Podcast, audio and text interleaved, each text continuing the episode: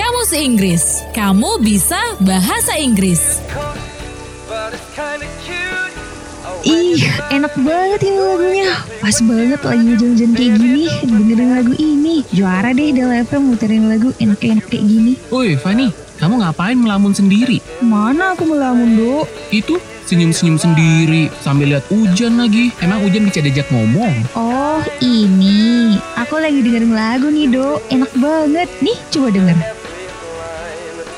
Oh, ini mah aku tahu lagunya si Michael Bubble kan?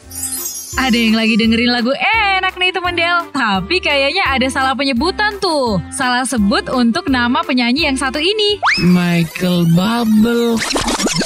Tapi gimana ya cara penyebutan yang benar?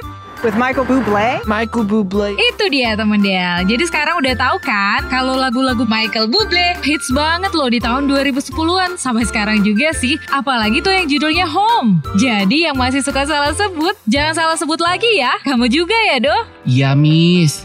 Apa tadi gimana? Michael Bublé. Ya, ya, ya. Michael Bublé. Kamus, kamus. Kamus Inggris ya, Kak? Kamus Inggris ya, Bang? Kamus Inggris. Kamu bisa bahasa Inggris.